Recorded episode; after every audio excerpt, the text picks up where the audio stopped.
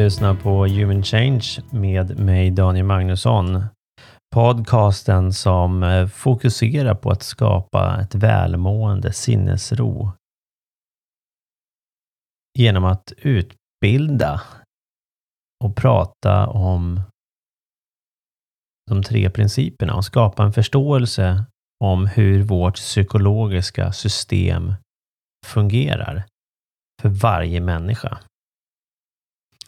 Det enda som, som gör att vi tror något annat är ju ett stort missförstånd. Oskyldigt skulle jag säga, både i form av att vi lär oss det ja, på, på det sättet som vi fungerar, men också från vår omgivning.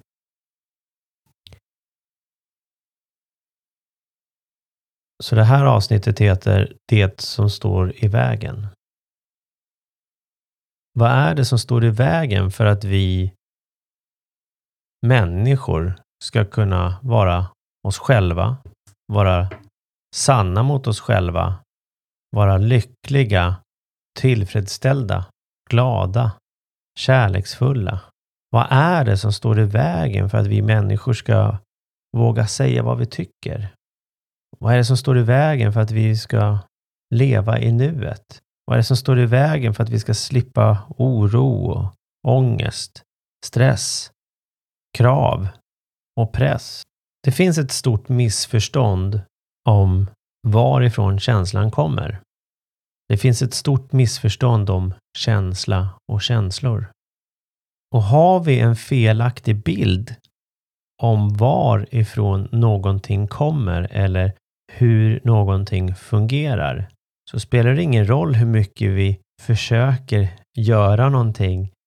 Men om vi utgår från fel förståelse så kommer vi ändå inte kunna nyttja det så pass bra som det är tänkt. Oavsett hur någonting är.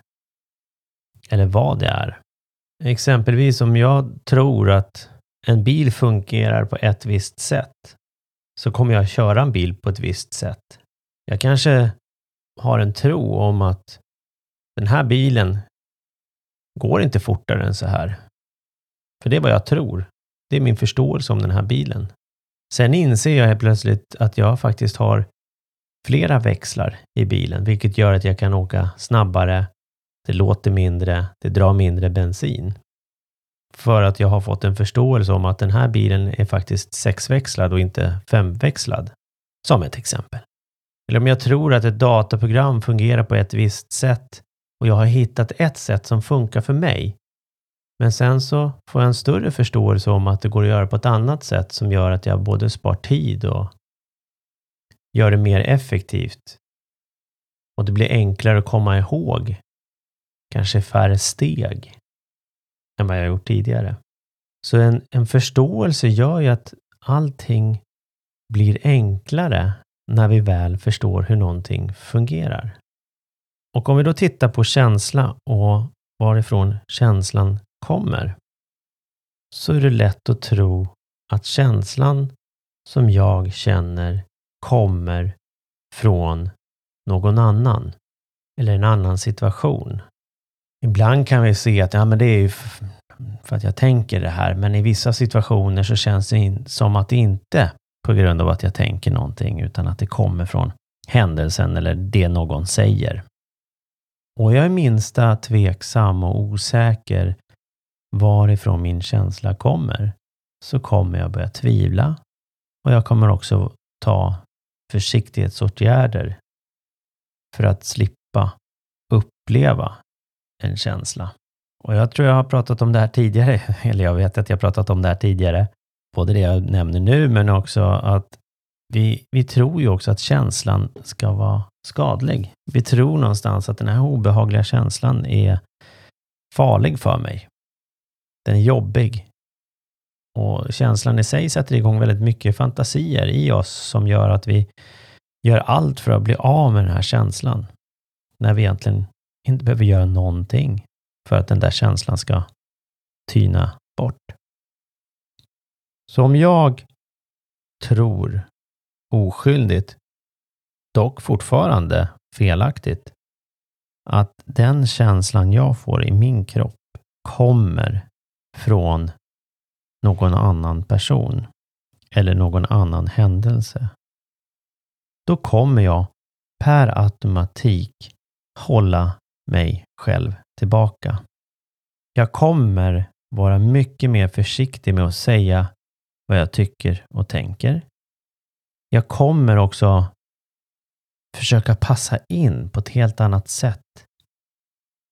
Jag kommer också välja att anpassa mig. Jag kommer välja att hålla med. Jag kommer välja att vara tyst och inte säga vad jag tycker och tänker. Även min tro på att jag kan skapa en känsla i dig utifrån vad jag säger, tycker och agerar på skapar också en återhållsamhet i att vara mig själv. Skapar också att jag kommer hålla mig själv tillbaka, inte säga vad jag tycker. För om jag går runt och tror att om jag kan skapa en känsla i dig, då kan jag också tänka att ja, men om jag säger och tycker det här, så kanske du blir arg, ledsen, irriterad. Du kommer därefter också göra någonting mot mig. Du kanske inte kommer eh, hjälpa mig. Du kanske inte kommer öppna upp dörrar till mig. Du kanske kommer hindra min karriär. Du kanske kommer flytta ifrån mig. Du kanske kommer sluta vara min vän. Du kanske kommer slå mig. Jag vet inte. Och går jag runt och tror det, att andra människor kommer få en känsla i sig på grund av vad jag säger, då kommer jag hålla mig själv tillbaka. Jag kan ju självklart välja att välja mina ord så att de landar på ett sånt bra sätt som möjligt. Eller jag skapar förutsättningen för att de ska kunna ta sig emot och landa så bra som möjligt hos dig. Men oavsett hur mycket jag försöker och säga saker och ting på ett bra sätt så är jag fortfarande individen som tar emot mitt budskap sin egna tolkning. För vi lever i separata verkligheter, vilket innebär att vår upplevelse kommer alltid inifrån och ut. Så tänk vad som skulle kunna hända. Tänk vilken frihet när du ser att all din upplevelse kommer inifrån dig, från dina tankar. All upplevelse i någon annan kommer inifrån dem, från deras tankar. Så vad är det som står i vägen? Ja, det är våra tankar på att det inte är så. Våra tankar om allting. Våra tankar om oro. Våra tankar om framtiden som inte existerar och kommer aldrig existera. Våra tankar om det förflutna. Våra tankar om vad andra ska tycka och tänka. Men när vi äntligen inser att den känslan jag har i min kropp, oavsett vad det är för känsla och när jag har den känslan, så talar den känslan bara om för oss hur vårt tänkande känns. Så när jag känner någonting så säger känslan, ah, så här känns ditt tänkande just nu. Det säger ingenting annat. Det säger ingenting om världen där ute. Det säger ingenting om sanningshalten på dina tankar. Det säger ingenting om vad som är rätt eller fel. Känslan är neutral. Tankarna är också neutrala. Det enda som gör skillnaden är vad du själv sätter för stämpel på dem, om de är positiva eller negativa. Så våga utforska. Är den här tanken sann? Vad är den här tanken gjord av egentligen? Oavsett vad du än tänker för tanke så är den ingenting. Den är en formlös energi som bara är där och skapar möjligheten för dig att uppleva livet. Oavsett vad du än tänker, när du än tänker det, så är det fortfarande bara en formlös energi som vi inte kan ta på. Vi kan inte plocka ur den ur huvudet, men vi kan uppleva den i vårt sinne. Men det är fortfarande bara en tanke.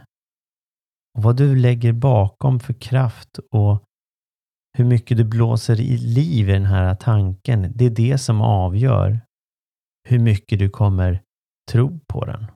På natten så drömmer vi. Våra drömmar är också skapade av våra tankar. Enda skillnaden på dagen är att då är vi vakna. Vi kan ha lika livfulla tankar på dagen som vi har på natten. Och när vi drömmer så lever vi i drömmen och på dagen så lever vi i dagdrömmen. Jag ska läsa ett citat från boken The Missing Link Reflections on Philosophy and Spirit skriven av Sidney Banks. When you start to see the power of thought and its relationship to your way of observing life, you will better understand yourself and the world in which you live. Tack snälla för att du har lyssnat på den här podcasten. Skulle det vara så att du vill sätta ett betyg för att du lyssnar på iTunes är du mer än välkommen såklart att gå in och göra det. Sätt det betyg du tycker att den här podcasten förtjänar. Skriv gärna en kommentar. Är det så att du vill komma i kontakt med mig så kan du alltid gå in på humanchange.se eller skicka mig ett mejl på daniel.humanchange.se. Ha det fantastiskt!